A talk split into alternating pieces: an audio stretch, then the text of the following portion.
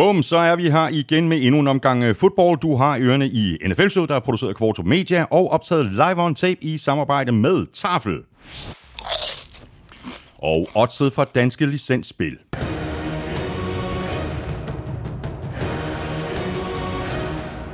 Husk, at man skal være minimum 18 år og spille med omtanke.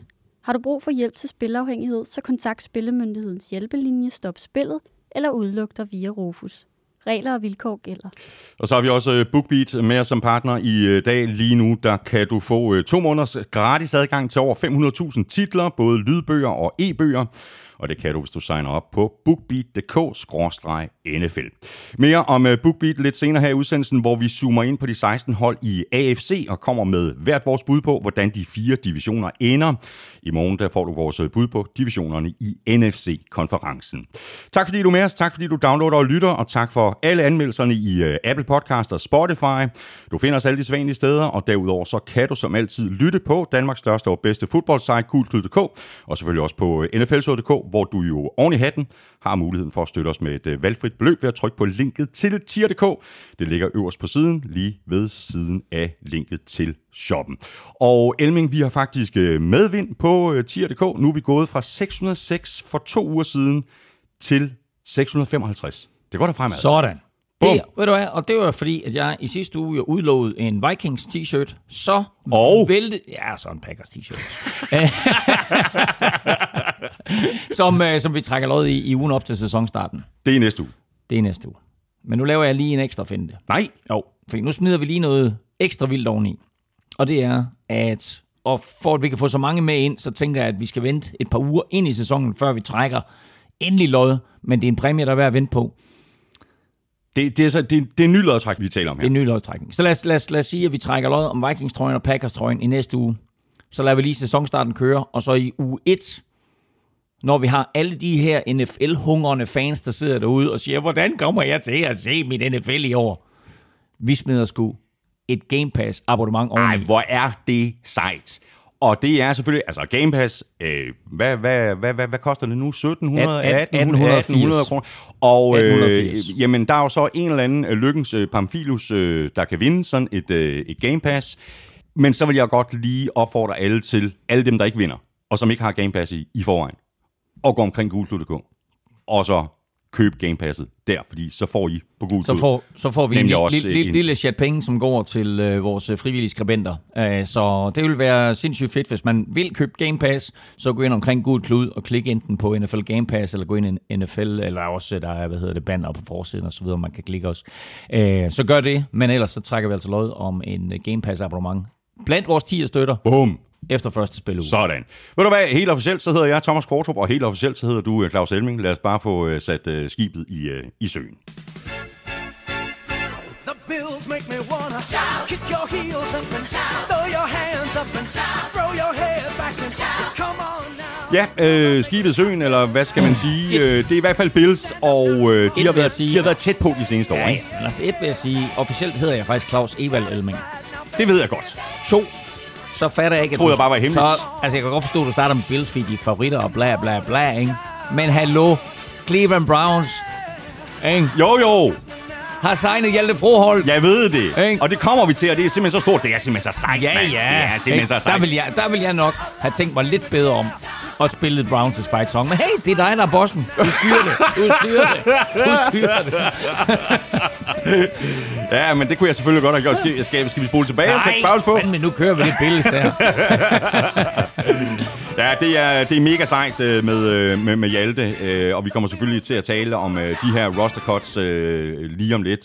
Det er det, det helt store blodbad hvert eneste år, og der er også nogle store navne, der, der er røget. Jeg har siddet i morges og gennemgået 864 navne, plus det løse, plus diverse trades, øh, for at, sådan at vi kan komme med de største navne i dag. Og jeg vil sige, jeg har skåret det ned til et minimum, så vi ikke bare sidder og laver ja, sådan en opremsning af spillere. Ja, præcis.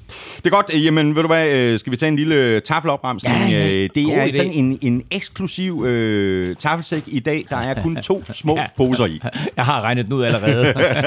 det er fordi tirsdag var tirsdag var... Nuts! Nuts! Lige nøjagtigt, fordi der er to poser nødder her, og det er Tafels Sour Cream and Onion Peanuts, som er gode, og så er det Tafel Spicy Chili Peanuts. Som, som er endnu bedre. Mega gode.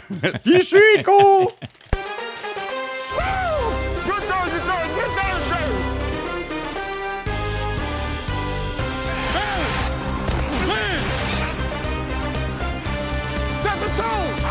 Hvem skal i Super Bowl fra AFC? Bliver det Bengals igen, eller hvad med Ravens, Bills eller Chargers? Der er masser af hold, der byder sig til. Og uanset hvad, så bliver kampen om slutspilspladserne benhård.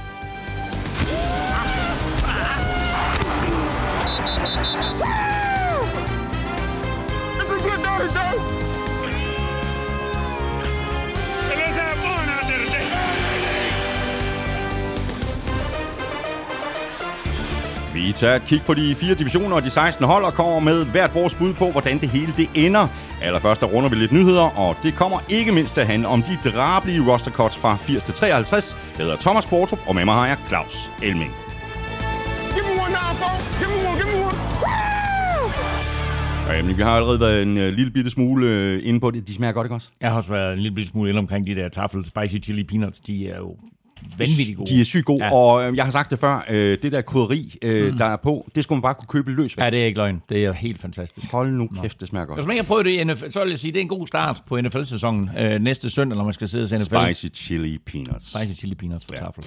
Øh, Elming, vi har allerede været en lille smule inde på det, altså de her roster cuts, det her blodbad, øh, som jo er en øh, tilbagevendende begivenhed hvert eneste år på det her tidspunkt. Trupperne er blevet barberet. Barbaran.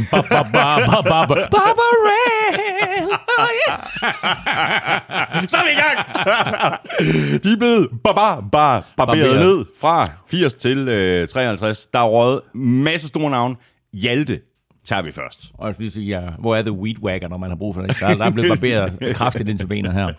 Manscape. Nå, øh, hvad sagde du? Hjalte? Jamen, ja, på, hey, for pokker. Hjalte har haft en god preseason. Jeg var lidt bekymret, fordi en offensive lineman helst ikke vil have sit navn råbt højt, og det fik Hjalte i en situation, hvor han blev taget for en dum holding på sådan et lille, ja. Øh, var det et sweep eller et screen pass, hvor han i hvert fald var lidt ude af position, og det ønsker man ikke. Men han har spillet med i alle tre preseason-kampe, han har spillet en halvleg i alle tre preseason-kampe, og han har spillet alle tre indvendige positioner på den offensive linje, primært center og højre guard, men var i weekenden også inde på venstre guard. Og den her alsidighed, tror jeg, er det, der har gjort, at Hjalte er i 53, mands truppen Og som vi gennemgik under good news, bad news i sidste uge, så er det selvfølgelig bad news for Browns, at de mister to øh, offensive linjemænd, altså øh, på den indvendige linje. Men det var så gode Men det var gode nyheder for, ja. for, for Hjalte, og ekstremt gode nyheder, at han får en plads i 53 mands truppen. Hans far, Hans Froholt, var derovre, mm. og han skrev til mig i lørdags, hey, jeg sidder på plads på stadion for at se Hjalte. Og der tænkte jeg, der er en grund til, ja. at du er taget til Cleveland. Mm. Kunne selvfølgelig også være for at støtte Sønneke, hvis ja, han blev kottet og så videre. Ikke? Men øh, nu er det gode nyheder både for Hjalte og for farmand Hans, som altså var på plads. Og så er jeg lige skrevet til, til Hjalte og Hans ønske tillykke her til morgen og så videre. Så, så super godt og super skønt for Hjalte, at han øh, bliver i truppen, kan videreføre den indlæring, som han startede sidste år, både med playbook og med de mennesker, han har omkring sig og så videre. Øh, og der er der en vis forhåbning om, at han ikke bare er en special team-spiller i år, mm. men at han kommer ind og, og får noget spil i sådan mere konventionelt offensivt spil. Det er i den grad øh, gode nyheder for, for Hjalte, og så er det gode nyheder for, for, for, for alle også øh, ja, ja. fodboldinteresserede i, i, Danmark. Øh, Elming, skal vi lige runde nogle af de største navne, der så ikke, i modsætning til Hjalte Froholts, øh, klarede kortet? Ja, vi er nødt til at starte med Raiders første runde pick fra sidste år, ja, Alex crazy. Leatherwood. Alex Leatherwood, første rundevalg sidste år, øh, som jo egentlig var draftet til at spille offensive tackle, kunne ikke rigtig finde en plads der, ryger ind og, og spiller guard, og de afprøver ham lidt i begge dele her i preseason, øh, og ender med at cut ham. Og der må vi bare sige, at hvis vi ser på det regime, som hed Mike Mayer og John Gruden, ja. så har de på ingen måde haft succes med deres tidlige picks. Altså, de har Max Crosby, som de kan sige, wow, ham fandt vi i en sen runde. Resten, ikke? Altså, Cleveland Farrell øh, spiller formodentlig sit sidste år nu her for, for, for Raiders, ikke? Trayvon Mullen øh, blev, blev traded i weekenden her fra Raiders til, til Cardinals. Alex Leatherwood bliver kottet. Øh, så har du nogle af de der mere uheldige spillere, som, som Damon Arnett og Henry Rocks, der har øh, ja, vel, vel sagtens begge to sidder i fængsel lige nu. Så altså, det, det er så sindssygt, øh, hvad, hvad, hvad John Gruden og Mike Mayock præsterede der. Øh, og, og nu er der altså kommet nyt regime ind, som kigger på det her og siger, nej, nu starter vi forfra. Og Josh McDaniels selvfølgelig, som kommer fra New England og har sine helt klare holdninger til, øh, og selvfølgelig en, en vis lærdom fra Bill Belichick ja, omkring, hvordan man skruer en trup sammen. Bum, sidste års første runde draft pick. Ja, det er godt nok helt crazy. Alex Leatherwood, ud ja. med ham. Apropos øh, Patriots, så har de kottet Malcolm Butler, som vi ellers var så begejstrede for, at var tilbage i truppen, men han er blevet skadet, øh, og de giver ham en stor skadeserstatning mod, at de så øh, kan kotte ham. Cowboys cutter alle tre backup quarterbacks. De har Dak Prescott, men cutter Cooper Rush, Ben DiNucci og Will Greer. Det er klart, at en eller to af dem kommer tilbage på practice squad, mm-hmm. men det er da vanvittigt. Ikke? Um, så er der blevet fire running backs kottet. Texans cutter Marlon Mack, som var kommet til fra Colts. Colts cutter Philip Lindsay, som var kommet til fra, fra Denver, eller hvor han nu lige var sidste år. Dolphins cutter dobbelt Super Bowl-mester Sonny Michel. Ja, præcis. Kæmpe. Der var jeg også inde og, og, og ret lidt i, i oplægget, når, når vi når til ja. dem, ikke? Fordi øh, der, der alle havde jo regnet med, at ja. han var en af ja, dem, der han, var, han, var, han, var, han var sådan lidt på vippen, faktisk. Og så øh, Jets cutter Tevin Coleman, som vi ellers talte om, at Tevin ja. Coleman var den Tevin Coleman, de havde behov for, for nu har de fået en rigtig Tevin Coleman, men nu er den rigtige Tevin Coleman slet ikke i Jets længere. Øh, Dolphins har også været aktive, øh, har både hentet spillere og korte spillere. Øh, de har været nødt til at sætte Byron Jones på den her publiste, altså physically unable to perform. Det betyder, at han er ude i de fire første kampe. Øh, og så er de fritstillet Mohamed Sanu. Bum, den havde jeg ikke lige set komme. Øh, Bills har fritstillet tight end O.J. Howard. Vildt, ikke? Også tidligere første runde draft pick. Fuldstændig har, vildt, ikke? Altså prototypen på en atletisk tight end, kæmpe stor, store hænder, hurtig øh, Super Bowl-mester med, med Buccaneers, men øh, fem måneder efter, at Bills de hentede ham i offseason, så cutter de ham. Øh, Browns har fritstillet Josh Rosen, ikke noget overraskende der. Til gengæld en større overraskelse, at Box cutter Logan Ryan, som de har hentet ind som corner. Og så vil jeg lige nævne en 5-6 receiver her. I sidste uge, der roste jeg Freddie Swain fra Seahawks. Han er blevet kottet. uh, Box har kottet Tyler Johnson, som ellers uh, havde haft en god preseason, og mange talte uh, om i, i uh, uh, høje vendinger. Jaguars uh, er helt... Uh, altså, prøv at Jaguars sender DJ Chark til Lions. De uh, trader LaVisca Chenault til Carolina, og de cutter Laquan Treadwell. Der kan man også sige, at Doug Peterson han kommer ind, og han starter helt forfra med receiverne. Så altså Laquan Treadwell cutter der, Chiefs cutter uh, Josh Gordon.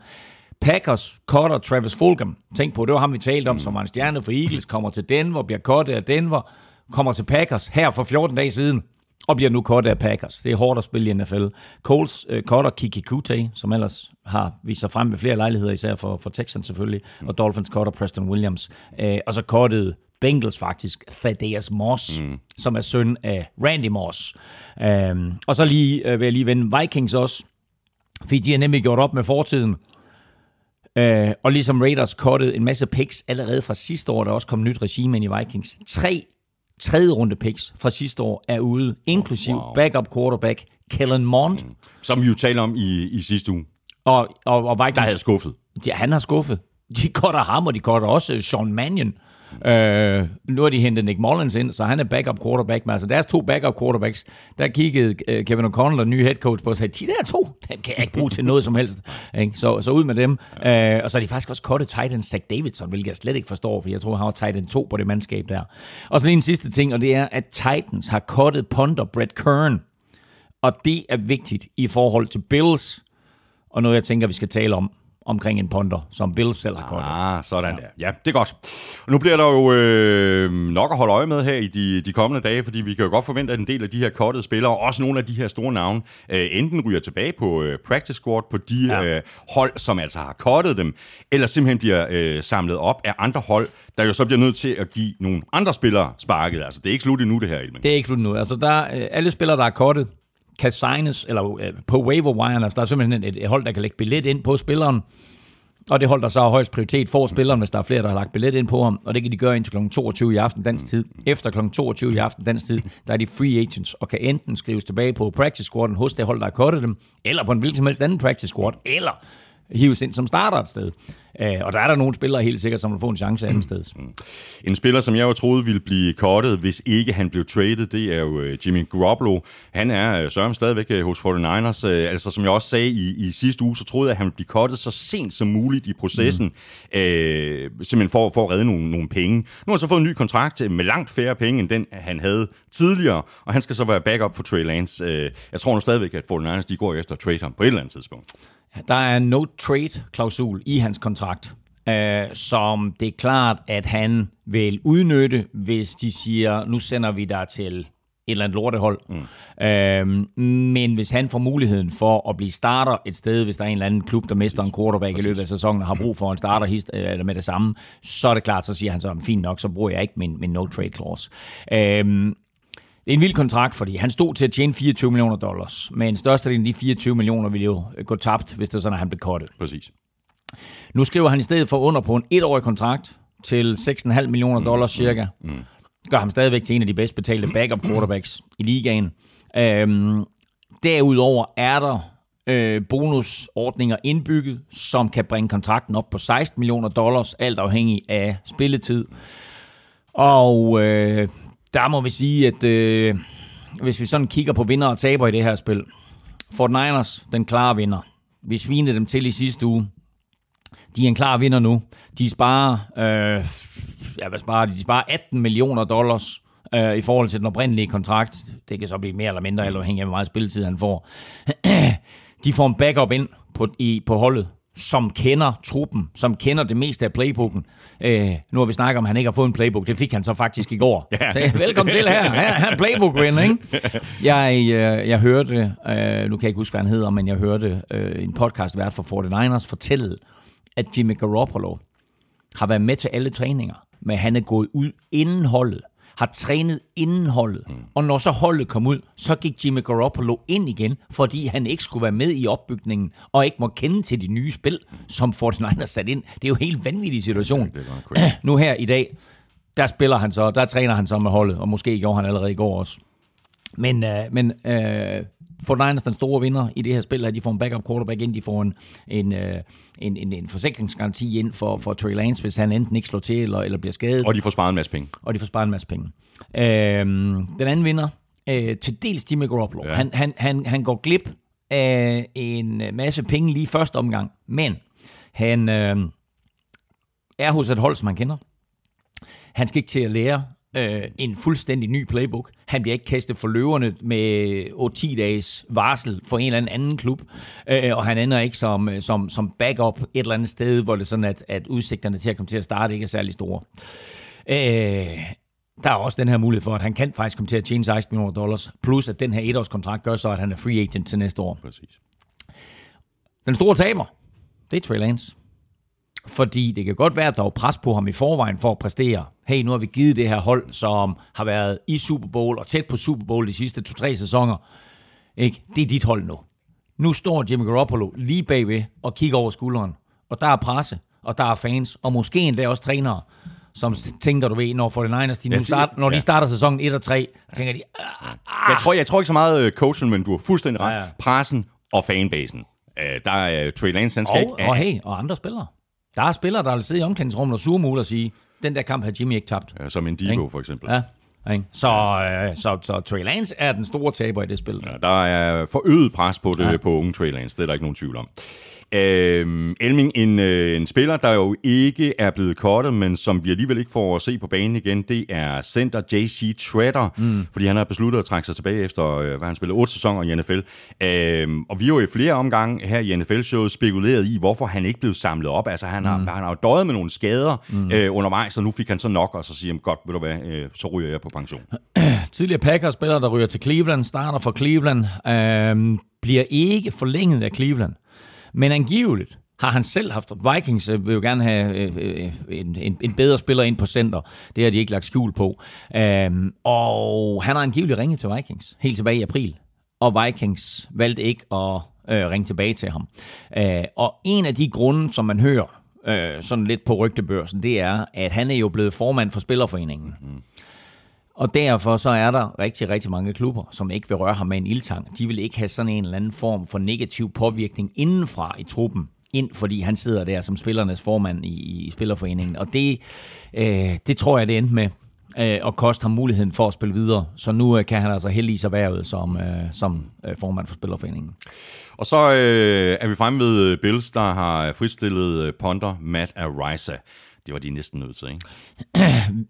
jo, altså det er, det er de jo på en eller anden måde. Okay, kort fortalt, Matt Arisa skriver, kont- altså skriver kontrakt med Bills. Bills uh, cutter den anden uh, ponder, det talte vi om i sidste uge også, Matt Hark. Mm. Um, og knapt er det her sket, før der pludselig uh, er et søgsmål imod Matt Arisa og to andre for en voldtægt sidste år øh, på et, et college campus, hvor en high school pige angiveligt er blevet voldtaget, øh, og øh, som de kalder det gangbang, altså øh, flere på samme tid. Øhm, Arisers advokat er lynhurtigt at sige, at det her det er en scam. Øh, der er ikke noget i det. Øh, det, var, det var frivillig sex, og min klient er uskyldig, og nu er der en eller anden pige, som øh, prøver på at cash ind, fordi han pludselig har fået en NFL-kontrakt. Forsvarerne siger, hey, vi kontaktede Bills helt tilbage i juni og fortalte, at den her sag, den eksisterede. Øh, og Bills gjorde ikke noget ved det. Og så lige pludselig, så kommer den op til overfladen, og den eksploderer jo mellem hænderne, både på Rice og på Bills, og de føler sig nødsaget til at cutte ham. De havde ham med til den sidste træningskamp, men spiller ham ikke. Og har backup quarterback Matt Barkley, til, som de jo kortet bagefter, hvilket også er sindssygt, øh, men øh, har ham til at ponde. Og øh, nu er han så fritstillet. Og det var også derfor, jeg sagde, at det var interessant, at Titans fritstillede Brett Kern, fordi Matt Hark er blevet signet af Colts, hvis kicker, øh, hvad hedder han? Øh, hvad hedder han? Øh, ikke Rodriguez, hvad hedder han? Han sådan en, øh, øh, Santiago, øh, han hedder ikke Santiago Rodriguez, jeg skal nok komme tilbage til mig. Men han er blevet skadet, så de havde brug for en ponder, så de hentede Matt Hark ind, og derfor står Bills nu en ponder, så de hiver kunne jeg forestille mig, Matt, øh, Brad Kernan. Mm. Ja, så kan vi lige øh, runde den her del af Elming med øh, noget lidt kedeligt noget, nemlig et dødsfald. Øh. Rigoberto Sanchez. Der var den. Rigoberto Sanchez. Der var den. Ja, jeg var helt blank. øh, dødsfald. Øh, Elming, legenden øh, Len Dawson øh, døde i sidste uge, 87 år gammel. Kæmpe legende. Tidligere Super Bowl MVP fra Super Bowl 4. Det var ham, der vandt den første Super Bowl for Chiefs. 50 år før at Mahomes endelig vandt en igen for Chiefs. Så der gik 50 år mellem de to Chiefs Super Bowl sejre. Men Len Dawson var den første quarterback, der vandt Super Bowl for, for Chiefs. Og Len Dawson har enorm stor påvirkning på det NFL, vi kender i dag, fordi han reelt set var den første sådan rigtig kastende quarterback, der vandt en Super Bowl. Han spillede oprindeligt i NFL, kom ind i NFL i 50'erne, men fordi hans primære styrke var kastbolden, og NFL var en løbeliga, så var der ikke en stor fremtid for ham så ser den her AFL-liga øh, dagens lys. De kaster bolden mere. Len Dawson kommer på hold der, jeg kan ikke huske, hvor han starter, men kommer i hvert fald til Dallas Texans. Og gør det rigtig godt for Dallas Texans, og fører dem til mesterskabet. Året efter, året efter vundet mesterskabet, der rykker Dallas Texans til Kansas City og bliver til Kansas City Chiefs spiller godt, vinder ikke rigtig nogen mesterskaber, men i 1970, nej, 1970 må det være, vinder de så AFL-mesterskabet og skal jo så møde NFL-mesterne i det, der på det tidspunkt så var blevet til Super Bowl 4, og faktisk er den første Super Bowl, der hedder rigtig Super Bowl. De andre, det var sådan med sådan underscore, mm. er, det jo stadigvæk AFL, NFL World Championship. Men det er, det er den sidste Super Bowl inden sammenlægning, den endelige sammenlægning. Øh, så øh, de vinder, øh, de vinder AFL-mesterskabet, og vinder kunne hjælpe med os Super Bowl ved at slå Minnesota Vikings, øh, som var den første Super Bowl, som, som, som Vikings de tabte. Men Len Dawson var den kastende quarterback, og han satte standarden for det punkt af for, hvad NFL har udviklet sig til at være. Vi skal have quizzen! Åh. Oh. Det er tid til quiz, quiz, quiz, quiz, quiz. Og hvis jeg så lige må færdiggøre historien der, så hyldede Mahomes jo Len Dawson på helt magisk vis i den sidste træningskamp, hvor Mahomes kommer ind på banen til den første huddle, mm. og så stiller op i den samme huddle, som Len Dawson Præcis. brugte dengang. Ja, og vi har skrevet ja. en lille artikel og lagt et billede ja, op på, ja, ja. på, på, på gul klud af det. Fantastisk. Øhm, nu skal vi have øh, quizzerne. Elming, øh, jeg har faktisk et øh, quarterback-spørgsmål øh, til dig. Øh, eller i hvert fald tage udgangspunkt i en quarterback. Mm. Uh, Lamar Jackson, han havde jo en uh, helt forrygende uh, 2019-sæson. Ja, hvor han, han blev MVP. Det gjorde og han førte NFL i kastet touchdown. Ja, og han blev MVP enstemmigt. Nå, ja, wow. Ja. Det er kun sket én gang tidligere. Ja. Hvilken anden spiller er blevet kåret som MVP enstemmigt? Ja. Men øh, jeg skrev selv artiklen, dengang han blev det. Gjorde du det? Ja. Det er træls. Så er det et let spørgsmål. Nå, men så er det godt, at vi har øh, 15-20.000 lyttere, der kan gætte med, og måske ikke har læst den artikel, som du har skrevet. Nå, jamen, øh, godt, så, skal, så vil vi jo ikke engang give dig nogle valgmuligheder. Kirk Cousins. Og, ja. Nå, Nå jamen, den var så øh, alt for nem. nej, nej, alt for nem var den jo ikke. Det var bare uheldigt, at jeg lige ja, ja. selv har skrevet den artikel på Google Klud om det. Um, jamen, jeg har også en god quiz til dig. Ja. Fordi uh, uh, preseason er slut. Der er spillet tre preseason kampe for alle, undtagen Raiders og Jaguars. De har spillet fire, fordi de lige havde den der Hall of Fame kamp med ind over. Mm-hmm. Um, Raiders jo et ubesejret gennem preseason. Jaguars ubevundet gennem preseason. Men hvem førte AFC i rushing yards? I preseason? I preseason. Hold nu op. Hvem førte AFC i, pre- i, i rushing yards i preseason? Der skal lige ned her. Hvem? Rushing yards. Ja, preseason. AFC. Preseason. Helt ærligt. Kan du. Nej, det kan jeg godt nok ikke. Jeg har ingen anelse. Nej, nej. Nå, jamen, øh, vi vender tilbage til øh, quizvarene øh, til sidste udsendelse. Øh, nu bliver det rigtig spændende. Nu går vi nemlig AFC-divisionerne igennem, kommer ja. med hvert vores bud på, hvordan de ender. Vi skiftes til at have øh, serveretten, så hvis vi ikke er enige, eller ikke kan blive enige, så er det serverettens bud, der, øh, der gælder til sidst. Ja. Vi lægger ud med AFC East øh, 2021-sæsonen endte sådan her. Bills gik 11 og 6. Patriots 10 og 7, Dolphins 9 og 8, Jets 4 og 13. Og du har serveretten, Elming. Ja. Hvordan ser du AFC East i år? Der kan ikke være nogen tvivl om, at Buffalo Bills er det bedste hold i AFC East, og måske også det bedste hold i hele AFC-halvdelen. Jeg har dem til at gå 14 og 3. Jeg har Miami Dolphins til øh, faktisk at nå slutspillet og gå 10 og 7. Mm. Så har jeg Patriots til at gå 7 og 10, og Jets til at gå 4 og 13. Der er vi, vi er faktisk meget tæt på at være enige. jeg har Bills til at gå 14 3, nøjagtigt det samme som du havde. Ja. Også Dolphins 10 og 7. Patriots øh, 8 og 9, og Jets 5 og 12. Øh, jeg gav lige Patriots og Jets en enkelt sejr mere, men det er fordi, jeg er sådan en flink fyr. Du er, du, du er virkelig venlig. Jeg vil også sige det på den måde, at når jeg gennemgår alle de her uh, resultater, eller ikke resultater, men min forudsigelse af, hvor mange kampe uh, hold de vinder og taber, så har jeg igen også været vanvittigt gavmild. Det har jeg også. Nå, det har du også i år? Ja, ja, ja, nå, nå, nå, okay. Ja, ja, ja, ja, fordi... du plejer jo ellers at være meget, du plejer at være meget mere... Øh... Tysk og sådan ja. holde mig til reglerne og sådan noget. det er ikke løgn. Du plejer at have 272 ja. sejre og 272 ja, nederlag. det har jeg ikke. Nej, jeg har 282 sejre og 262 nederlag, hvilket selvfølgelig ikke kan lade sig gøre, men det er fordi, jeg, jeg, jeg er gavmild. Men vi uh, maler med den brede pensel her i showet, ikke? Ja, ja godt. Nå, men uh, nu tager vi så uh, holdene i rækkefølge. Vi begynder selvfølgelig opfra med Bills, der med god grund uh, er blandt de absolute favoritter, ikke bare i divisionen, men i hele AFC-konferencen. De har været rigtig tæt på de seneste år. De har masser af talent på begge sider af bolden. Jeg nævner lige flæng Stefan Dix og Gabriel Davis på, øh, på angrebet sammen med holdets absolute stjerne. Quarterback øh, Josh Allen, og på forsvaret der har vi navne som Micah Hyde, Tredavious White og Von Miller til at løbe rundt. Og øh, så har vi jo talt om det, Elming, øh, det her med, at øh, Brian Dable er væk som offensiv koordinator. Det er så også mere eller mindre det eneste minus, jeg overhovedet kan få øje på. Ja, bortset selvfølgelig fra den her sag, vi lige talte om med Pond og Matt Riser. Ikke? Det er bare sådan en, en dum udefrakommende faktor, som, som holdet er nødt til at forholde sig men til det er jo så også derfor, de valgte at lukke ned for dem med det samme, ikke? Jo, men altså, de skal jo som sagt... Fordi de skal så... ikke have noget ballade. Nej, men de er også nødt til at gå ud lige pludselig og finde en ponder fra gaden, ja. øh, hvor de jo havde en fin ponder i Matt Hark, og de kunne jo have håndteret det her før, og så sagt, der er den her sag, at vi er nødt til at, at, at cutte punt godt, men, men de prøvede jo på at få den... Altså, altså se, hvor slemt det blev, og det blev så for slemt til, at de kunne håndtere det. Mm. Øhm, og var nødt til at cutte ham. Den kommer altså lidt out of nowhere, det her, og det, det er selvfølgelig en lortesag. En anden ting, som, øh, som man kan kalde lidt ekstra malurt i bæret, øh, kom i går, da det stod klart, at øh, top corner Tredavious White, som du nævner, ikke bliver klar til sæsonstart og sidder ude i mindst de fire første kampe. Uh, og ellers så må jeg sige, Bills har set god ud i preseason. Uh, de få serier, hvor Josh Allen han har spillet, der har han været uhyggelig. Altså virkelig, virkelig bare overskudsagtig sammenlignet med alle mulige andre spillere, vi har set. Uh, så det, det ser godt ud. Og så er der tilføjelsen af Von Miller. Glæder mig rigtig meget til at se ham, og som vi taler om på gang, han kan altså blive den første spiller til at vinde Super Bowl for tre forskellige klubber, hvor han rent faktisk spiller.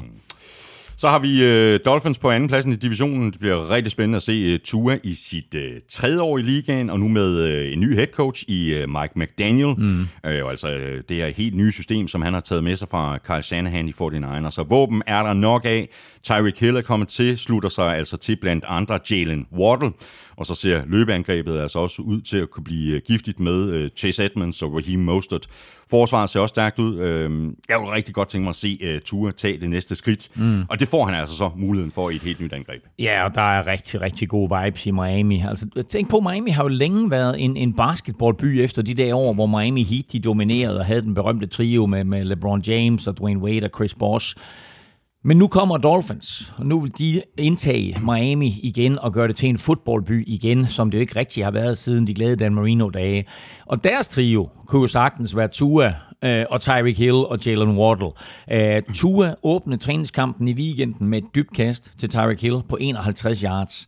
Et, var det fedt at se, at det fungerer, og at den der connection er der. To, så sender det jo bare et signal til alle, de skal møde om, at det nok er en god idé lige at holde en uh, safety uh, dybt og dybere, end Tyreek Hill kan løbe på fire sekunder. Ja, fordi Tyreek Hill er stadigvæk Tyreek Hill. Det kan godt være, at han har skiftet klub, men han er stadigvæk han, det, det, der play, det der play der, han blæser bare ja, forbi ja. en safety, og Tua kaster alt, hvad han overhovedet kan kaste, og så griber Tyreek Hill bolden, og det kan vi komme til at se rigtig, rigtig meget.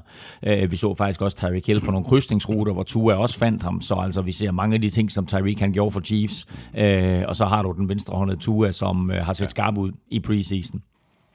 Jeg synes også, at forsvaret ser skarpt ud. De har flere interessante navne, og nu altså også Melvin Ingram, som er kommet til fra Chiefs, og sidste års første runde pick af Jalen Phillips, som uddanner sådan en, eller danner sådan en god pass rush duo. Så har de hentet Trey Flowers ind øh, i weekenden, øh, som var free agent. Og han åbnede sæsonen mod Patriots, som han jo vandt to Super Bowl sammen med.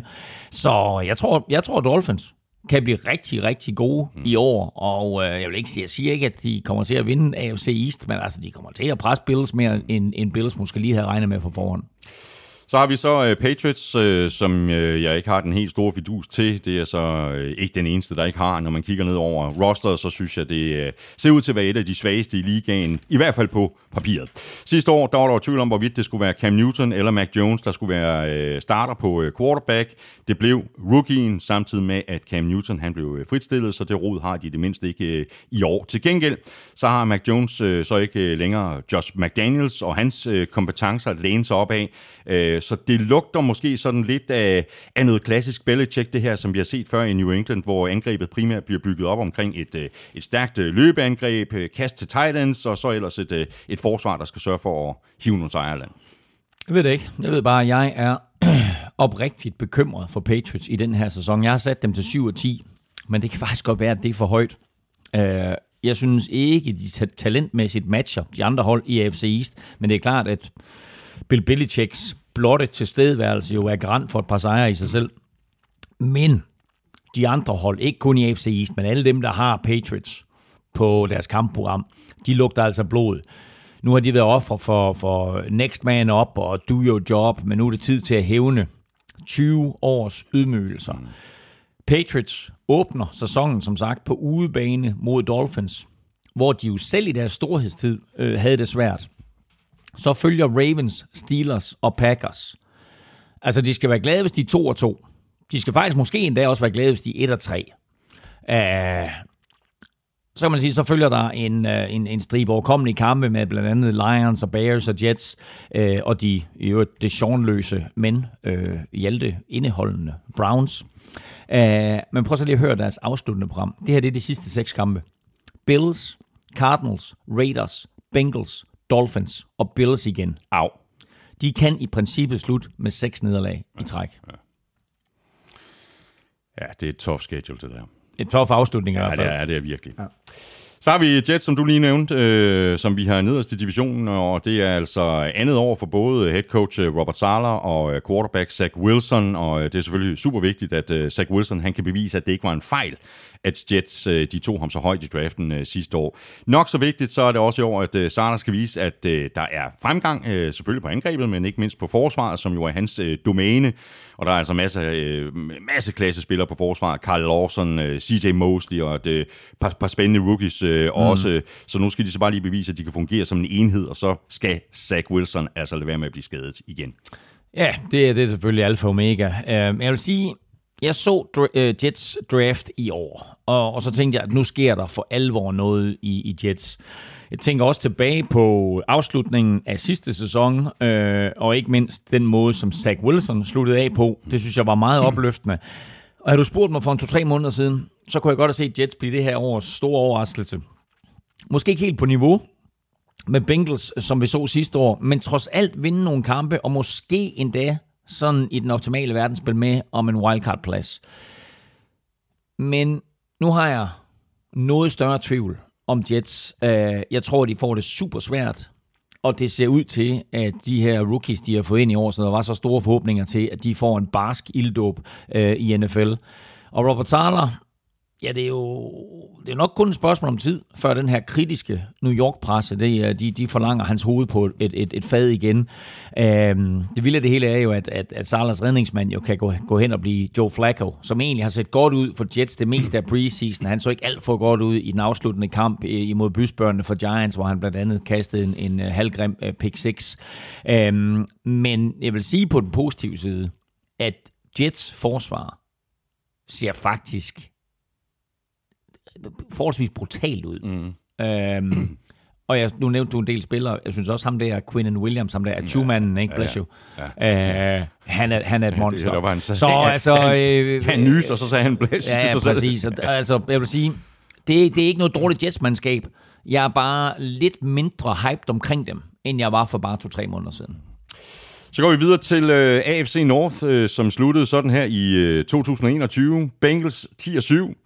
Steelers 9-7-1, Browns 8-9 og Ravens 8-9. Og mm. den her gang er det mig, der har uh, serveretten, og nu må vi så se, om vi er uh, lige så enige her, som vi var med øh, AFC East. Uh, og, Rav- og Ravens var vel at mærke 7-2 og ført AFC. Ja, præcis. Mm. Jeg er især øh, meget spændt på at høre, hvordan du ser på, øh, på Browns. Her kommer mit øh, bud. Øh, jeg har Ravens til at vinde divisionen med 12 5. Bengals går 11 6. Browns 8 9 og Steelers nederst med 7 og 10. Mm. Hvordan ser du øh, AFC North? Jamen, jeg er fuldstændig enig med dig i Ravens. Jeg har dem godt nok kun til 11 og 6, altså en sejr mindre, end du har. Så har jeg Bengals også på 11 og 6. Så altså en del førsteplads, okay. men mm. med Ravens øverst. Mm-hmm. Så har jeg Browns på 8 og 9, og så har jeg Steelers på 7 og 10. Så altså heller ikke den, øh, den store forskel her. Vi tager holdene fra toppen. I hvert fald enige om rækkefølgen. Ja, præcis. Og vi øh, lægger altså ud med Ravens, som vi begge har, til at øh, vinde divisionen, og de kan simpelthen ikke, nu var du inde på det der med, at de, øh, de, de startede året mm. 7-2, og de kan simpelthen ikke være lige så uheldige med skader, øh, som de var sidste år. Der er talent hele vejen rundt, øh, og så har de jo altså en af mine absolut favorit head coaches i John Harbaugh, der bare igen og igen har bevist, øh, hvad han kan. Og så bliver det altså en, en spændende sæson for Lamar Jackson, der jo spiller for sin næste kontrakt, og det er en øh, kontrakt, som kan komme til at slå øh, alle rekorder. Det og tror jeg også, han jo vil have på plads inden sæsonstarten, ja, så der er, en, der er en 8-9 ja. dage til at få det styr på det, ikke? Mm. Umiddelbart så ser det jo ikke ud til, at uh, Ravens har de uh, helt store planer om at uh, lade Lamar Jackson løbe bolden mindre i år. De har skilt sig af med våben nummer et i luften, Marquise Brown, Øh, så må det ikke, at vi endnu en gang skal forvente os et øh, sådan forholdsvis løbetungt Ravens angreb, og forsvaret ser jo bare rigtig stabilt ud med, med alle de gode øh, gamle navne på plads, og med nye navne, som for eksempel Marcus Williams og øh, Kyle Hamilton. Ja, altså dommen er faktisk stadigvæk lidt ude på Kyle Hamilton, og nu han selvfølgelig han har ikke spillet sin første rigtige NFL-kamp endnu, men altså hans, hans preseason har ikke sådan været, været alt for opløftende, men altså øh, der, der er positive takter selvfølgelig, lad os nu øh, lade være med at, at dømme ham. Øh, jeg vil til gengæld fremhæve et andet nyt navn, nemlig receiver Mark, øh, hvad hedder han, Demarcus øh, Robinson, som jo øh, er kommet til efter han blev kottet fra Raiders højst overraskende. Ikke? Han skiftede jo fra Chiefs til Raiders inden den her sæson, og så kotter Raiders ham i, i det allerførste cut-runde der. Han er kommet til Ravens øh, og har spillet forrygende for dem, og giver jo Ravens og ikke mindst Lamar Jackson noget, han øh, ikke rigtig havde i forvejen efter, at, at Hollywood Brown han var smuttet, nemlig en, en øh, erfaren receiver, som ved, hvordan man, man løber sig fri i NFL. Uh, Demarcus Robinson var forrygende i sin første træningskamp, greb fire bolde for 135 yards og touchdown. Uh, men uh, jeg synes, du er også lidt inde på det, at de bedste nyheder for Ravens, og vi er også lidt inde på det i vores good news, bad news, eller vi skulle faktisk måske endda have talt lidt mere om det i vores good news, bad news, det er det faktum, at de jo nærmest er skadesfri. Ja. Der er stadigvæk, de halter stadigvæk lidt på running back. Og Gus Edwards bliver ikke sæsonklar, og der er også lidt andre udfordringer på running back, så de har faktisk været i samtaler med Kenyon Drake, som jo også er blevet kortet, øh, og er free agent lige nu. Øh, så han kan faktisk komme ind og, og, og måske blive starter, eller i hvert fald øh, god backup for dem her i, øh, i, i starten af sæsonen.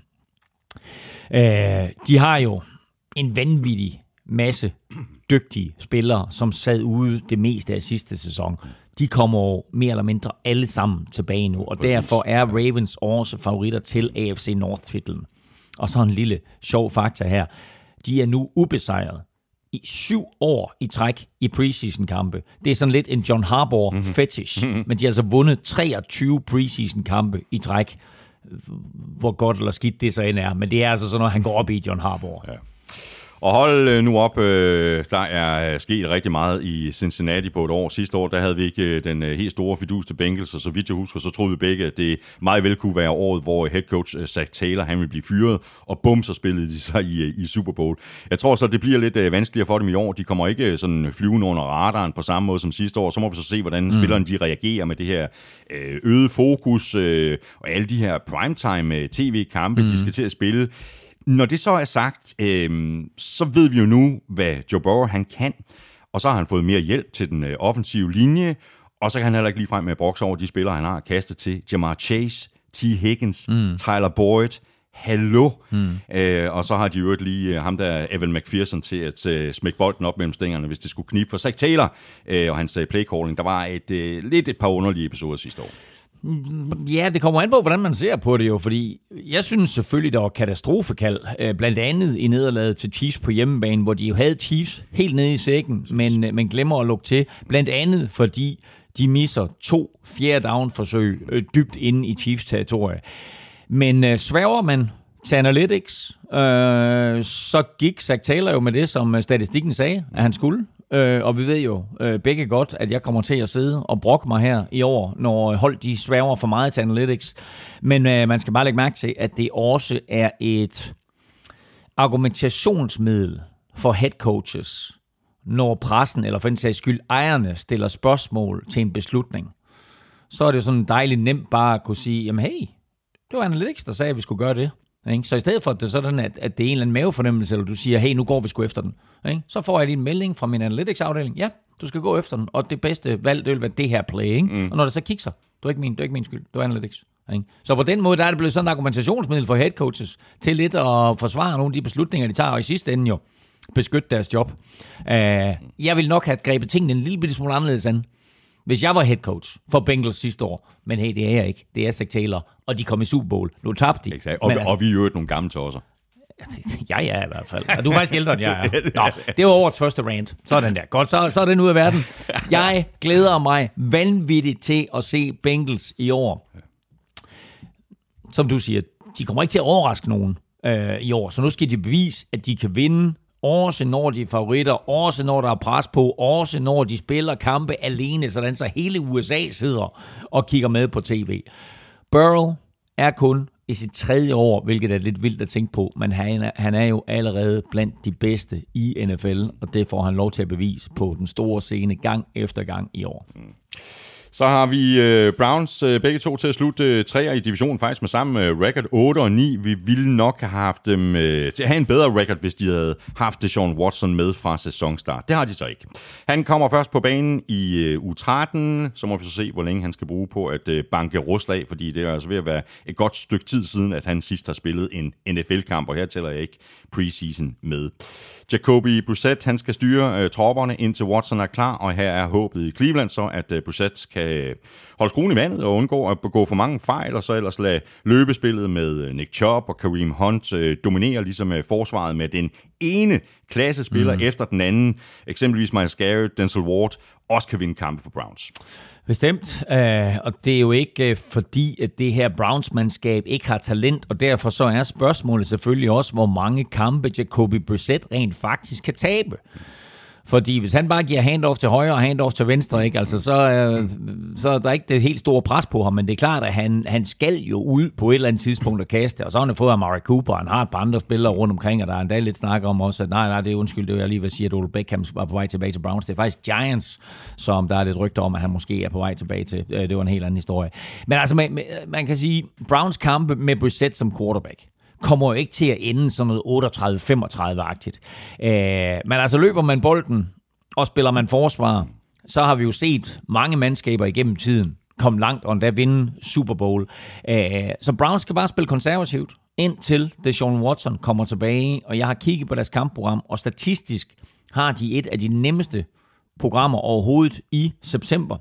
De kan principielt være 5 og 6 eller 6 og 5 efter de der 11 kampe, som Deshaun Watson han sidder ude, og så skal man sige, så kommer han tilbage ind, selvfølgelig under stor mediebevågenhed, sikkert også nogen, der vil bue af ham, men altså vinder han fire af de sidste seks kampe, så kan Browns rent faktisk komme i spil til en playoff-plads.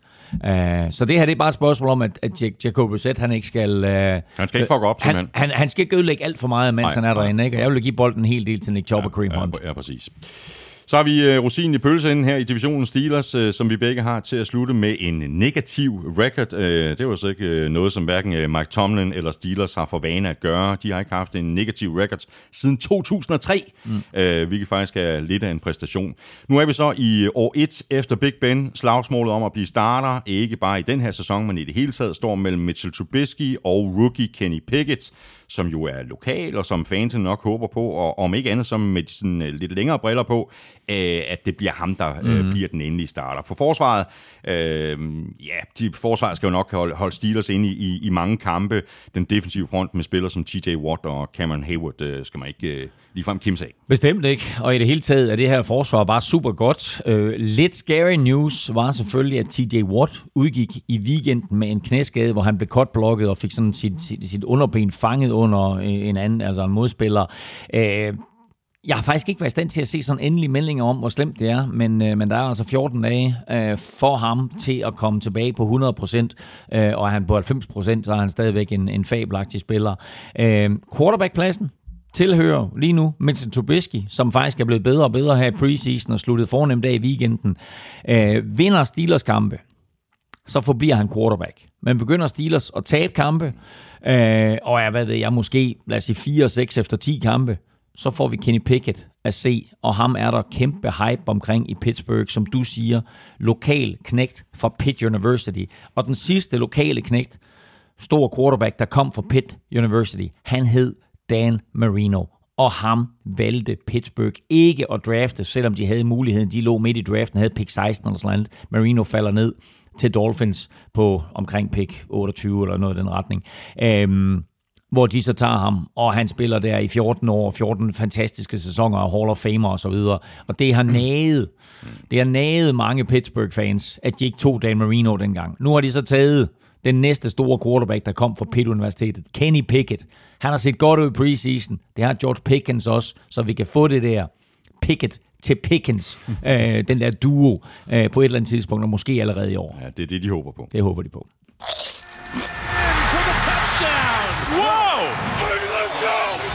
Ugen spiller præsenteres af Tafel.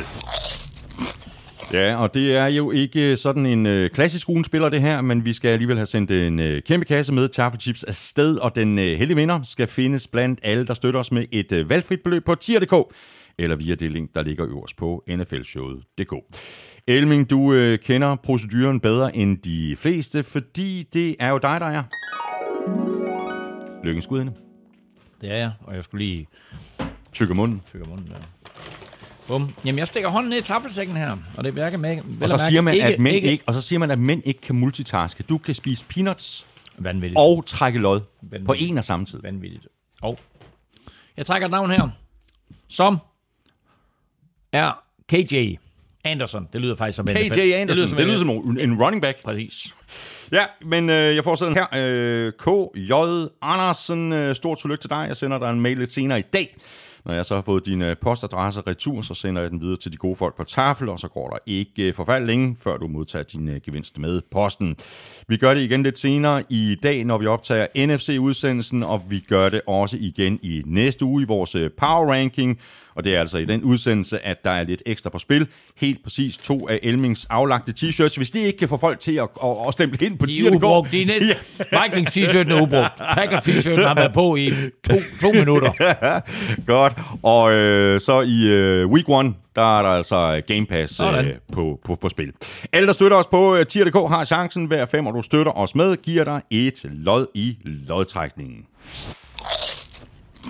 Og så er vi tilbage i øh, divisionerne, og vi har nu fat i øh, AFC South, som sluttede sådan her i 2021. Titans 12 og 5, Colts 9 og 8, Texans 4 og 13 og Jaguars 3 og 14. Øh, nu er det så dig, der har serveretten nemlig. Øh, hvis vi nu skulle være uenige om rækkefølgen, øh, jeg er personligt meget i tvivl om Titans og Colts. Jeg hælder lidt til, at Colts tager divisionen. Hvordan ser du AFC South? Jeg tror, Titans vinder, hvis de starter med Lake Willis. Nej, det, altså, jamen, det ved jeg ikke. Altså, han har jo set god ud med Lake Willis. Han kan jo fandme både løbe og kaste. Ja, det er rigtigt. Han er vanvittig. Nå, Colts har jeg til 11 og 6 til at vinde divisionen. Titans har jeg faktisk kun til 9 og 8. Fedt røv. Ja, det er lidt vildt. Nå, Jacksonville har jeg til 6 og 11, og så har jeg Texans til 5 og 12. Okay, vi er, vi er meget tæt på at være enige igen. Øh, jeg har coach til 11 og 6, ligesom dig. Mm. Så har jeg Titans 10 og 7, altså en, ja, en, en sejr mere. Ja. Øhm, så Jaguars og Texans øh, har jeg begge til 5 og 12. Øh, Jaguars har jeg sat øh, over Texans, men jeg kunne sådan set lige så godt have, have gjort det omvendt. Men øh, vi er faktisk også fuldstændig enige om rækkefølgen. Sådan. Så øh, ja, men øh, lad os bare øh, tage dem fra toppen af. Colts først. Øh, jeg har haft dem som favoritter de seneste mange år, lige med undtagelse øh, af sidste år, hvor jeg havde Titans som etter. Nu er Colts så tilbage i førersædet, og det er de ikke mindst på grund af skiftet på quarterback fra Carson Wentz til Matt Ryan. Og det kan godt være, at øh, Matt Ryan ikke er nogen øh, langtidsholdbar øh, løsning. Det er, det er han jo ikke helt Nej, men så vil, sige, så vil jeg sige, hvis du har set den her preseason, så har de ham Sam Ellinger. Ja. Hold kæft, han har, han har været den her preseasons helt store oplevelse. Han kommer ud af preseason med en passer rating på 147,6, altså rekord, øh, maksimalt i 158,3. Ja, ja. Fuldstændig vanvittig preseason, han har spillet Sam Ellinger.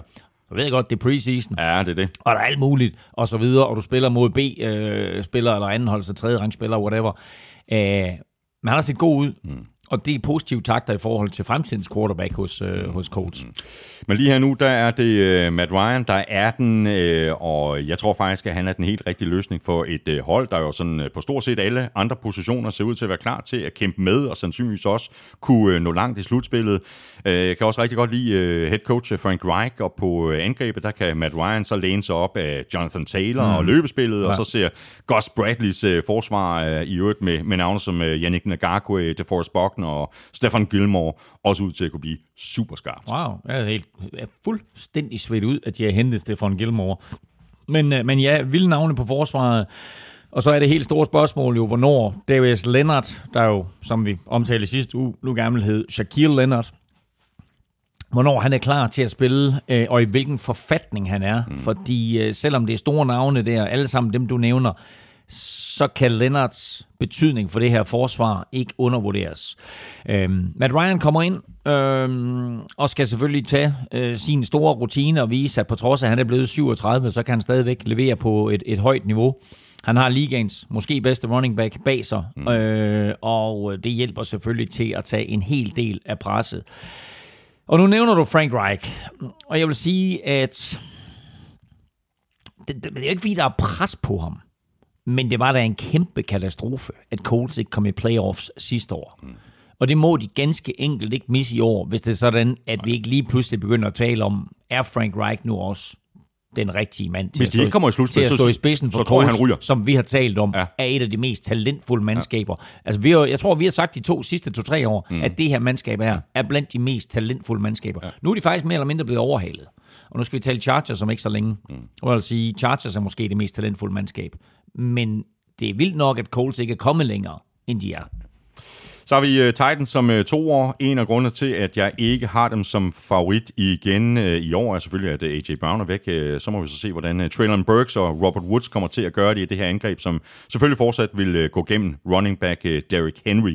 Og så krydser de nok også fingre for, at øh, han ikke bliver ramt af en skade, ligesom sidste år. Tannehill er manden på quarterback. Vi skal ikke helt udelukke, at ham her, Malik Willis, øh, måske kan presse på øh, allerede i år. Head coach Mike Rabel øh, har det jo ikke øh, fra, fra fremmed, ligesom øh, lærermesteren i New England, så er Rabel garant for gode forsvar, og gode forsvar er nøglen til succes. Ikke mindst når det bliver koldt, og også hvis man skulle nå i slutspillet. Nu skal de så lige nå slutspillet først, og indtil da så holder det sig jo faktisk noget lunere i Tennessee, end det gør i, i New England, så hvor de måske har spillet lidt på, at de kunne få en kold hjemmebane, så er det sådan en 5-10 grader i, i, i Tennessee der i, i december. Men man glemmer jo faktisk lidt, at Titans var første seed i AFC sidste år. Det var ikke Chiefs, det var ikke Bengals, det var ikke Bills, det var Titans. Uh, og de gjorde det uden Derrick Henry en stor det meste, del det meste, af det meste, det meste af tiden. Ikke? Ja. Ja. Øhm, og nu går det ofte galt, når jeg udsteder garantier, men øh, jeg kan ikke se dem gentage den bedrift i år. Øh, der er mange gode spillere, og nu var jeg kritisk i sidste uge øh, over for Traylon Burks, men øh, han har lige haft sin bedste preseason uge og scorede sit første touchdown i en Titans-hjelm i weekenden. Øh, så spændende at se ham, når det for alvor går løs. Øh, forsvaret har jo et, et par vilde spillere op foran i form af, af Jeffrey Simmons og Harold Landry og Bud Dupree, så på den måde der er basen på plads, men, men øh, udfordringerne kommer på angrebet, og ikke mindst den offensive linje, der har gennemgået øh, store forandringer de sidste 3-4 år. Jaguars har vi som øh, træer. Jeg glæder mig rigtig meget til at se Trevor Lawrence i selskab med Doug Peterson som head coach i stedet for Urban Meyer. Uh, jeg vil så gerne se det, før jeg sådan for alvor tror på det. Der var også nogle uh, gevaldige huller, der skulle fyldes ud på det her hold. Uh, der er så også blevet fyret en masse penge af. Wide receiver Christian Kirk er jo en, en rigtig fin receiver. Mm. Uh, jeg synes nu, at uh, GM Trent Balky uh, overbetalte for ham, ligesom han har overbetalt for andre spillere. Men sådan er det jo, når spillerne ikke sådan bare kommer af sig selv, ligesom de gør i Tampa, hvor Tom Brady gør det nemt mm. øh, at være general manager. Mm. Forsvaret har en af de øh, absolut stærkeste pass rusher i ligaen, nemlig Josh Allen, og så håber de selvfølgelig på, at øh, første rundevalget i år, Trayvon Walker, slår igennem med det samme. Og hvis han gør det, så kan den her defensive front øh, godt blive forholdsvis underholdende at se på. Ja, bestemt. Altså, og, og, og Trayvon Walker øh, ligner da et monster. Altså, han tryner virkelig sin direkte modstander. Nu skal han så bare omsætte det til 6, øh, og så kan han faktisk gå hen og få en, en, en vild rookie-sæson. Og så har Jaguars, øh, hvis det sker, så har de jo bare set rigtigt med at vælge ham nummer et, som jo stadigvæk var lidt overraskende for mig. Altså jeg troede, at det var røgslør og så videre, men han endte altså med at blive taget som, som den første spiller i, i årets draft. En anden spiller, der er taget som den første spiller, det er Trevor Lawrence. Han kom ind i ligaen sidste år med pick nummer et. Han ser bedre ud. Han ser mere komfortabel ud, end han gjorde på noget tidspunkt sidste år.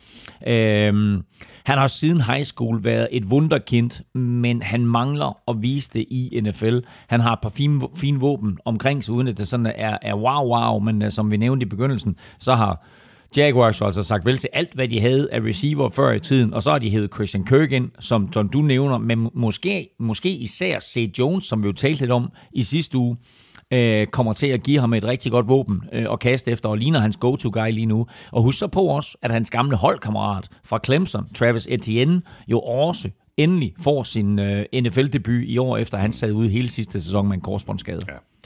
Og så mangler vi bare uh, Texans her i divisionen. Uh, jeg er faktisk uh, noget mere optimistisk i forhold til Texans, end jeg har været uh, mm. længe. Ja. Uh, de mangler stadigvæk en, en hel masse, men der skal, der skal lige ryddes op efter nogle år med en masse rod, nogle dårlige beslutninger og mismanagement. Uh, men nu er de uh, kommet om på den anden side af Deshaun Watson, og jeg tror faktisk, at de har en, en, en rigtig god chance for at få bygget et øh, konkurrencedygtigt mandskab op i løbet af de kommende år. Den er der ikke helt endnu. Mm. Men øh, den øh, vigtigste brik øh, ser allerede ud til at være på plads, øh, nemlig andet års øh, quarterback øh, Davis Mills. Øh, måske bedre kendt som Miles Davis i showet. Og han har i hvert fald fået en, en øh, rutineret head coach. Øh, Lovie Smith er kommet til. Øh, det er så ved at være et øh, stykke tid siden, at han stod i spidsen for et hold med en winning record. Vi skal helt tilbage til 2012. Men altså, øh, summa summarum, pilen peger opad. Der er så stadigvæk et stykke vej for Texans, og det er derfor, at vi begge to har dem til en nederste division. Ja, ja, men det er jo faktisk vildt med Lovie Smith, at han ikke har haft et, et, en winning record siden 2012. Det er lige et stykke tid siden. Um, og han får også svært ved at nå det i år. Altså Texans bliver klart bedre, end de var sidste år. Nu talte vi sidste uge om, at, at, at Rookie of the Year uh, kunne blive receiver George Pickens i Pittsburgh, eller måske Chris Olave i, i New Orleans. Men hold lige øje med running back Damian Pierce mm. i Houston. Han bliver vild, og vi har faktisk ikke set ham uh, endnu bag den startende altså øh, førsteholdslinjen. Øh, så jeg tror godt, at han kan blive, øh, han kan få en, en vild rookie-sæson, og, og, og kan, kan blive den næste Arian Foster, ja, hvis vi sådan tænker. Han har set helt vildt ud her i preseason, ja, ja, altså i, i kampen mod 49ers, hvor Texans jo slog 49ers ja. 17-0. Hold nu kæft nogle løb. Ja, ja men altså, han, han, han er god øh, ude midt på banen, hvor der er masser af plads at gøre, at gøre godt med. Der kan lave nogle lange løb, både mellem tackles og på, ud, øh, på den øh, hvad hedder det, udvendigt. Øh, men han er også god ned omkring mållinjen, hvor han bare sænker skuldrene og så hamrer ind over. Så han har den der øh, kombination øh, af fart, evnen til at finde hullet, og så råstyrke, når det drejer sig om lige at få de svære yards. Øh, Damian Pierce, hold øje med ham også, hvis du spiller fantasy football. Og så er der receiverne. Altså Brandon Cooks, som jo er tidligere første runde pick, og bare blevet traded og traded og traded, har fundet et hjem i Houston nu, og havde en rigtig god connection med Miles Davis sidste år. Øh, og så Nico Collins, anden års spiller. Jeg kan godt se ham få sit store gennembrud, øh, så det er altså ikke helt tosset.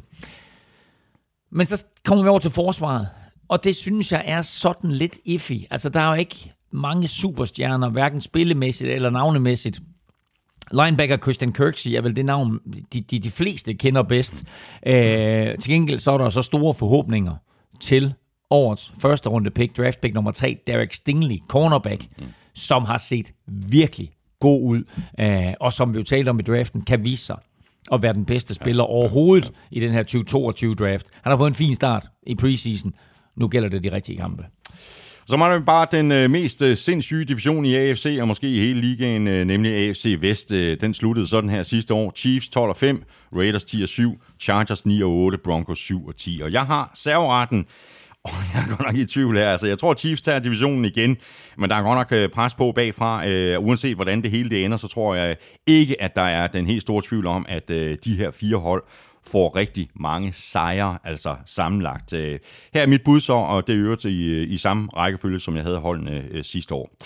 Chiefs har til gå øh, 13 og 4, Chargers lige bagefter med 12 og 5, Broncos 10 og 7, og Raiders 9 og 8. Mm. Hvad siger du til, øh, til divisionen? Jamen, nu, nu siger jeg noget af to ombæringer, fordi sådan, nu, jeg, jeg satte mig ned, og så kiggede jeg bare på divisionen, uden rigtig at kigge på, hvem de skulle møde. Du mm. ved, jeg kiggede bare sådan, hvordan, hvordan ser jeg styrkeforholdet? Og styrkeforholdet så jeg sådan, at jeg sagde, okay, Chiefs 12 og 5. Chargers 11 og 6. Den var Broncos 10 og 7. Og Las Vegas Raiders 9 og 8. Så er vi principielt enige, mm. ikke? Mm, jo. Godt. Men så gjorde jeg det, at jeg gik ind på sådan en uh, øh, NFL Predictor, hvor jeg simpelthen gennemgik samtlige spilleuger, hvor alle kampe er listet op, og så siger jeg, hvem tror jeg vinder hver uge? Om jeg tror, det der hold vinder, så tror jeg, det hold vinder, så tror jeg, det hold vinder. Der endte divisionen på følgende måde. Chargers 16 og 1. Wow. Eneste nederlag, Chiefs på udebane. Okay. Chiefs 14 og 3, Raiders 8 og 9, Broncos 8 og 9. Hold nu kæver. Ja. Ja, ja, så det er bare, men det, så altså, men, men sådan lige umiddelbart, når man bare lige ser de fire ja, hold, og man ja. tænker historik, og man tænker Mahomes, ja. så tænker man nok også Chiefs øverst. Men altså, når vi skal tale Chargers lige om lidt. Ja, ja, men præcis. Shit, hvor er det et godt Ja, det er helt, det er helt vildt. Ja. Øh, men du har bare, altså nu kommer vi til at tale øh, Chiefs øh, lige om øh, ganske, ja. ganske kort. Og du har altså en Mahomes, og du har en Andy Reid, og det er ja, sådan, ja, ja, ja. Det er sådan lidt ja, ja, Patriots-agtigt. Fuldstændig, fuldstændig rigtigt. Ja. Godt, og vi, vi lægger ud med uh, Chiefs, øh, som vi nok ikke øh, trods alt er de eneste til at have som øh, favoritter i divisionen. De har altså, de har faktisk et, øh, et forholdsvis tough schedule, og det bliver øh, også interessant at se øh, med Holmes og resten af angrebet uden Tyreek Hill men derimod med Juju Smith-Schuster og Marcus Valdes Scantling, og så selvfølgelig god gamle uh, Travis Kelsey. Øhm, ja, og vi har talt om det tidligere, jeg nævnte det lige, altså så længe Andy Reid han står på, på sidelinjen, og Mahomes er inde på banen, så skal det, mm. det, det, det skal nok gå øh, det hele. Øhm, forsvaret viste sådan lidt øh, svaghedstegn øh, undervejs sidste år, og nu må vi så se, om, øh, om rookierne George Kalafdis øh, og Trent McDuffie øh, kan komme til at stemple ind allerede i år. Jeg kan være i tvivl om sidstnævnte, selvom han lige nu er sat til at starte på den ene cornerback, men øh, Jordos Kalaftis, grækeren, ser vild ud. Nu er preseason mod andenrangsspillere en ting, og ægte grundspilskampe noget andet. Men hans kombination af rå power og en motor, der aldrig stopper, det kan, det kan gøre ham til et omgående hit i NFL. Chiefs savnede pass rush sidste år, så selvfølgelig var Andy Reid jo øh, opmærksom på øh, at få gjort noget ved det og få rettet op på det med det samme. Øh, så derfor så har han hævet et par spillere ind, blandt andet Kalaftis og så videre. Men jeg kan, jeg, kan, jeg kan undre mig over, at der ikke blev plads til Tyron Matthew på holdet. Jeg synes, han var mere end blot en spiller for Chiefs. Jeg synes, han var den spiller, der tog dem fra at være et godt mandskab til, at de blev Super Bowl-mestre, og også stod i Super Bowl året efter, hvor de så tabte til Box. Øhm, men det er selvfølgelig svært at stille spørgsmål tegn ved, ved, ved, ved Andy Reid's beslutninger og, og, og den succes, som han har haft igennem årene, både for Eagles og for Chiefs. Øhm, ny mand på safety er, er Justin Reed, øhm, og så må vi se. Øh, han er yngre, øh, lidt en anden, en anden kropstype end, end Tyron Matthew, men, men der var bare noget... Mm. Der var, der var også noget omklædningsrummæssigt, der var noget lederskab på banen, som Tyron Matthew havde, som jeg tror, de kommer til at savne. Den offensive linje er en styrke. Det var en svaghed for to år siden, og så lavede de en fuldstændig ommøblering af den offensive linje, og nu er det pludselig blevet en styrke. Øhm, og selv uden Tyreek Hill, der har Mahomes jo set forrygende ud her i preseason. Men han har dog haft svært ved at ramme de dybe bolde til Marcus Valder Scantling. Så den der dybe raketkugle, som vi så til Tyreek Hill sidste år, og som vi også så til Demarcus Robinson, som heller ikke længere er i klubben, den mangler. Og jeg glæder mig til at se, hvem det skal om det skal være rookie Sky Moore, eller hvem det skal være, eller det skal være Juju Smith-Schuster, eller hvem, hvem, altså, men der mangler det facet i angrebet lige nu. Og så har vi altså begge Chargers som øh, to i divisionen, og nu må det så øh, efterhånden også være slut øh, for det her hold med at skyde sig selv i foden, fordi der er simpelthen så meget talent, både på angrebet og på forsvaret. Øh, jeg overvejede faktisk at, at sætte dem op som, som etter, men jeg, jeg blev alligevel ja, ja. En, en kylling til sidst. Men altså, øh, navne som Justin Herbert, Keenan Allen, Mike Williams, Austin Eckler, Corey Lindsley, Rushon Slater på forsvaret, Joey Bosa, Khalil Mack, J.C. Jackson, ja. Asante Samuel og Derwin James. Og jeg går blive ved. Jamen, hold nu kæft. og, så har, du, og så har du Brandon Staley i sit andet år som ja. head coach. Øh, der er jo faktisk, der er ikke nogen undskyldning øh, for ikke at komme i slutspillet, og de bør også kunne komme langt. Jamen prøv, jeg nævnte det her i sidste uge med, at Buccaneers ifølge ESPN har det mest talentfulde mandskab på papiret. Jeg ved ikke, hvordan ESPN har opgjort det, men når du ser på de navne, du nævner der, Øh, og en vild offensiv linje oveni. Med middle linebacker Kenneth Murray nævner du ikke. Free safety Nasir Adderley nævner du ikke. Så kan jeg næsten ikke se, hvordan Chargers ikke på papiret lige nu er ligaens mest talentfulde hold. Og der mere end, end Buffalo Bills, synes jeg også mere end Buccaneers selvfølgelig. Så der er ingen undskyldninger i år. For det første skal de naturligvis i playoffs, og det er langt fra umuligt, at de rent faktisk vinder AFC West. Og det er heller ikke umuligt, at de vinder Super Bowl 57. Jeg glæder mig sindssygt meget til at se Los Angeles Chargers i år, og så får vi jo en indikation af styrkeforholdet i divisionen allerede i spil U1, når Los Angeles Chargers møder de tidligere Los Angeles Raiders, et af de helt store, legendariske øh, arvefjendopgør, som måske er blevet en lille bitte smule forandret af, at Raiders nu pludselig hører hjemme i Las Vegas. Men det er stadigvæk et opgør mellem et Chargers-hold, som er blandt NFL, eller som er blandt Super Bowl-favoritterne, og så et Vegas-mandskab, som mange har til at være en kæmpe overraskelse mm, i år. Yeah. Broncos har vi nu med en øh, ordentlig quarterback for første gang i en, i en del år efterhånden. Øh, nu gad de ikke det pis længere, og så betalte de så øh, kassen for Russell Wilson, og håbet er selvfølgelig, at de får vintage Wilson, og ikke ham ja. der Wilson fra sidste år i, i Seattle. Men øh, han var jo også træt af at være der, så måske var han ikke øh, så forfærdelig motiveret, og så fik han jo også en, en skade undervejs. Spændende i hvert fald at se ham sammen med Broncos nye øh, head coach Nathaniel Hackett. Wilson skal måske ikke øh, forvente sådan den helt store forskel fra Seattle i forhold til, hvilken type angreb han skal stå i spidsen for. Altså run heavy i Seattle, det tror jeg faktisk også, det bliver i Denver med Melvin Gordon og mm. Javonte Williams. Forsvaret pakket med talent hele vejen rundt, og nu også på pass rush, som vi talte om i sidste uge. Ja, yeah, og, og som vi netop talte om i sidste uge, så er der virkelig sket noget på pass rush. Faktisk så meget, at talen om et Von Miller comeback i Denver aldrig rigtig blev til noget, og han i stedet for tog til Buffalo.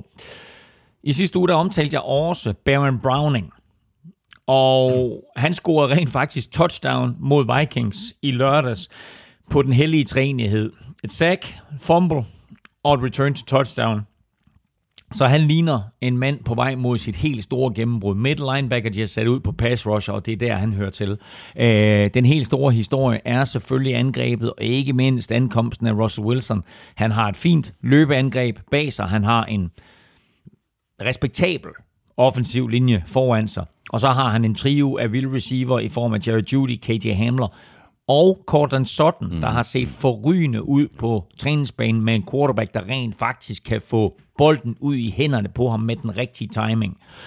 Uh, som bekendt, så åbner Dangerous Wilson og Broncos jo sæsonen ude mod Seattle Seahawks. Det er næppe tilfældigt, at det er planlagt på den måde. Men det bliver jo så ikke imod Drew Lock, som jo i weekenden kastede tre interceptions, så han er bænket, og i stedet for så bliver det altså Russell mod sin gamle backup, Gino Smith, så det er jo også lidt en historie i sig selv. Men altså, det skal give en sejr til Broncos, det, det kan der ikke være nogen tvivl om. Øh, der kan til gengæld være lidt tvivl om, hvilken velkomst Russell Wilson han får. Men jeg tror, de klapper af ham. Ja, det håber jeg også, de gør. Ja. ja.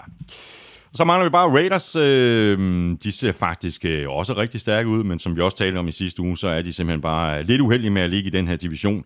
Derek Carr han har fået et øh, alvorligt lækker stykke legetøj på angrebet. Han er blevet øh, genforenet med sin gamle college body, der var til Adams, og han kommer så til at øh, løbe rundt øh, sammen med andre klassespillere, som eksempelvis Josh Jacobs, Hunter Renfro og Darren mm. Waller. Den offensive linje er måske ikke noget at råbe hurra for, og så bliver det selvfølgelig også øh, super interessant at se Josh McDaniels som head coach igen. Det gik jo ikke forfærdeligt godt, da han forsøgte sig i Denver for nogle år siden. Øh, på forsvaret, der har vi et øh, par edge rusher, der udmærket kender vejen til modstanderens quarterback, nemlig Chandler Jones og Max Crosby. Og der er rigtig, rigtig mange gode pass rushers i AFC West, øh, og med de quarterbacks, der spiller i divisionen, der er man sgu også nødt til at, at, at få skabt noget pres og fremtvunget nogle fejl. Øh, Max Crosby har jo etableret sig selv som en stjerne, og så er spørgsmålet, hvor meget Chandler Jones har tilbage i tanken. Det kan faktisk, faktisk godt være lidt en gave for Chandler Jones, at han ikke længere øh, er første prioritet mm. for modstanderne. Det er klart, de kigger på, på Max Crosby, og så tænker de, ham der, ham er vi nødt til at double team. Og det kan faktisk efterlade Chandler Jones i en hel del øh, en mod en situationer. Øh, angrebet glæder jeg mig virkelig til at se, og ikke mindst om der stadigvæk er, er kemi mellem Derek Carr og Davante Adams, og om han stadig er NFL's bedste receiver, når quarterbacken nu ikke hedder Aaron Rodgers, men derimod Derek Carr. Og øh, som sagt, så åbner de sæsonen mod Chargers. Det er en barsk start for begge mandskaber, men altså det bliver bare en fed kamp. Ja, det Kl. 22, ja. søndag den 11. Mm. Det var de fire øh, AFC-divisioner og vores bud på, hvordan de ender. Vi var faktisk meget enige. Ja, faktisk. Var, ja, var, var, var der store forskelle? Det er ja. ikke rigtigt. Var der, havde vi rangeringen ens i alle fire Det divisioner? tror jeg faktisk, vi har. Wow, ja, det op. tror jeg, vi har. Ja. Det, det plejer vi ikke at have. Nå, men øh, vi gør selvfølgelig det samme med øh, NFC-divisionerne, og den udsendelse lægger vi så op i morgen torsdag. Og i næste uge, der laver vi altså en uh, spritny power ranking, og så går 2022-sæsonen wow. ellers i gang. Og det er simpelthen ja. så fedt. Nu er der lige den her ventetid ja. efter den sidste preseason kamp. Ah! Ja, men, uh, men det er jo den måde, det, det er konstrueret på nu, det er, ja. og, og det er helt åndssvagt, fordi det stadigvæk betyder, at Super Bowl så er rykket en uge længere frem ja. i februar. Ja. De kunne godt starte i den her weekend, vi går ind i nu, mm. og så spille Super Bowl der i første weekend i februar. Det vil ikke ødelægge min skifag lige så meget. Lige om lidt, der skal vi omkring øh, quizzerne og forhåbentlig have et par rigtige svar i dem. Lige her nu, der skal det handle om BookBeat, øh, som vi jo har med som øh, partner i dag. Og hvis du ikke allerede har et abonnement hos BookBeat, øh, men godt kunne øh, tænke dig at prøve det, jamen, så kan du altså lige nu få øh, fuldstændig gratis adgang i to måneder til over 500.000 titler. Og det kan du, hvis du signer op på bookbeat.dk-nfl. Der er både øh, lydbøger, og der er e-bøger, og du kan selv vælge, om du vil øh, downloade eller streame dem på din uh, mobiltelefon eller tablet. Og Elming, vi har jo tidligere været omkring alle mulige forskellige bøger fra BookBeat. Ja, ikke bare om NFL, ikke bare om amerikansk sport i det hele taget, men alt muligt andet. Altså ja, 500.000 ja, bøger. Ja, 500.000 bøger, og også jo bøger om USA, hvis det er sådan, at det er det, man er interesseret i. Der er også alt muligt bare fiktion, hvis det er sådan, at man har lyst til at læse det. Men en bog, som jeg faldt over her sidste gang, uh, at, øh, at jeg havde BookBeat abonnement. Det var den, der hedder Big Game. Og det er en bog, som både findes som, øh, som, som læsebog og lydbog mm. øh, af en amerikansk forfatter, der hedder Mark Leibovich, øh, som øh, er forfatter på New York Times, hvor han er altså gravet dybt ned i NFL. Og der ser man lidt NFL indefra, mm. og man ser også noget af det, man godt kan tillade sig at kalde bagsiden af NFL, øh, omkring hvordan det er sådan, at, at det egentlig bare er en maskine, der bruger unge spillere, tager dem ind, bruger dem i 3-4 år, spytter dem ud, og alt sammen så genererer det altså millioner eller milliarder af dollars. Øh, det er en, en ganske, ganske interessant bog, som sætter lidt af forretningssiden øh, på spidsen om, og man får det, man, man får det indenfra i et lidt andet perspektiv, ja. end når vi sidder og ser spillet udefra og bare tænker, hold kæft, hvor er NFL fedt. Ja. NFL er fedt, NFL men, der er, fedt er, men der er også noget inde bag ved, ved forhængen, det er der ikke nogen tvivl om. Og den øh, bog øh, kan du altså finde på bookbeat.dk. Big, det big, vælter, big Game hedder den. Ja, det vælter med bøger derinde, øh, altså både e-bøger og lydbøger, og lige nu der kan du få de øh, første to måneder fuldstændig gratis og uden risiko, og det kan du altså på øh, bookbeat.dk-nfl. Du binder dig ikke til noget. Du skal lige huske at øh, melde fra igen, hvis du ikke ønsker at fortsætte med abonnementet efter prøveperioden.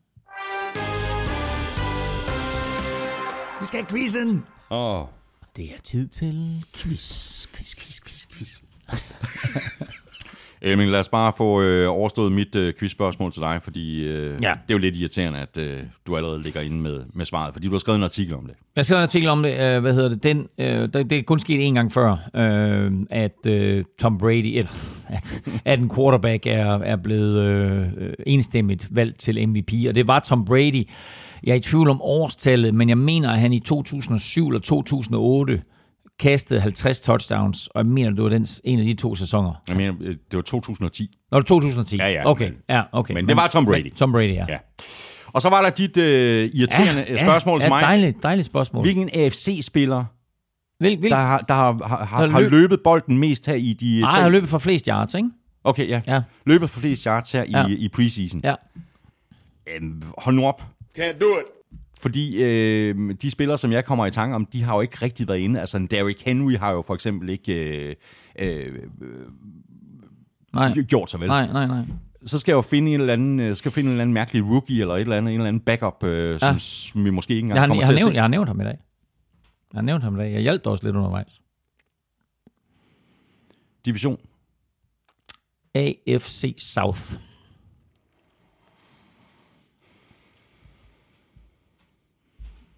Is it a trick question? It is a trick question. AFC South. Lad mig sige det på den måde. Han er ikke running back. Nej, okay.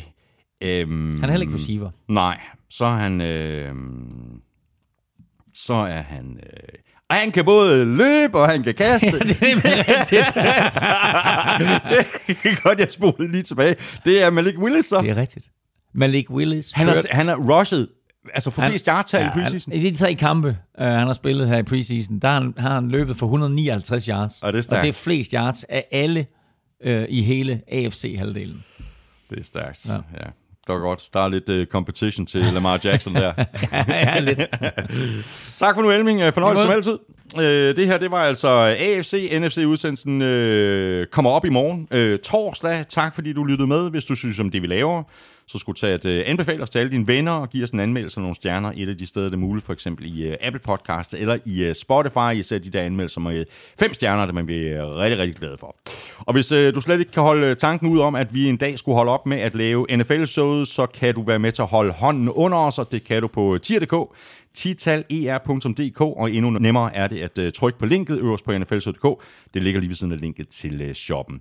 Husk også at støtte vores øh, gode venner og samarbejdspartnere fra Tafel og Otset fra Danske Licens Spil, og i forhold til Otset, Husk, at man skal være minimum 18 år og spille med omtanke. Har du brug for hjælp til spilafhængighed, så kontakt Spillemyndighedens hjælpelinje Stop Spillet eller udluk dig via Rufus. Regler og vilkår gælder. Det gør de nemlig. Tak også til uh, BookBeat for at være med os i dag. Husk, at du kan få øh, gratis adgang til over 500.000 øh, bøger i to måneder, og det kan du på bookbeat.dk-nfl. Hvis du har spørgsmål eller kommentarer, så kan du række ud efter os på både Twitter, Facebook og Instagram, og du kan også fange os på mailsnablag.nflshowet.dk. Følg Elming på Twitter på uh, snablag NFLming. Mig kan du følge på snablag Thomas Kvartrup. Det var alt for nu. Tak for i dag. NFL-showet er produceret af Kvartrup Media, der også producerer PL-showet, Golf-showet og Born Unplugged. Drengene på PL-showet giver dig alt, du skal vide om Premier League. Armstrong og Hardø holder dig opdateret på alt om professionel golf over på Golf-showet. Og så er der masser af dansk politik i Born Unplugged. Husk også Veloropa-podcasten, hvis du er til cykelsport. Elming og jeg er tilbage igen i morgen med mere NFL. Er det godt så længe. Hot odds.